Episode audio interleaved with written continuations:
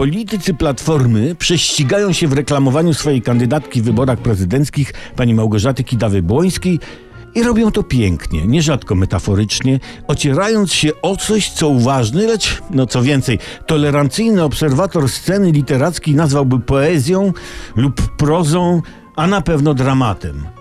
Bronisław Komorowski orzekł bezkompromisowo. Myślę, że Andrzej Duda przegra z różnych powodów.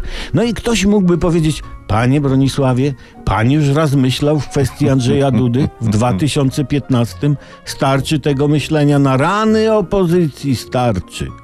No i wszystkim się zdawało, że pan Bronisław gra jeszcze i mieli rację. I mieli rację, bo za chwilę walną ojcem wszystkich tekstów prokidawobłońskich. Zagłosują na Małgorzatę Kidawę-Błońską, bo to osoba dojrzała. Patrzcie, jaka delikatność uczuć. Pan Bronisław nie powiedział stara, tylko dojrzała.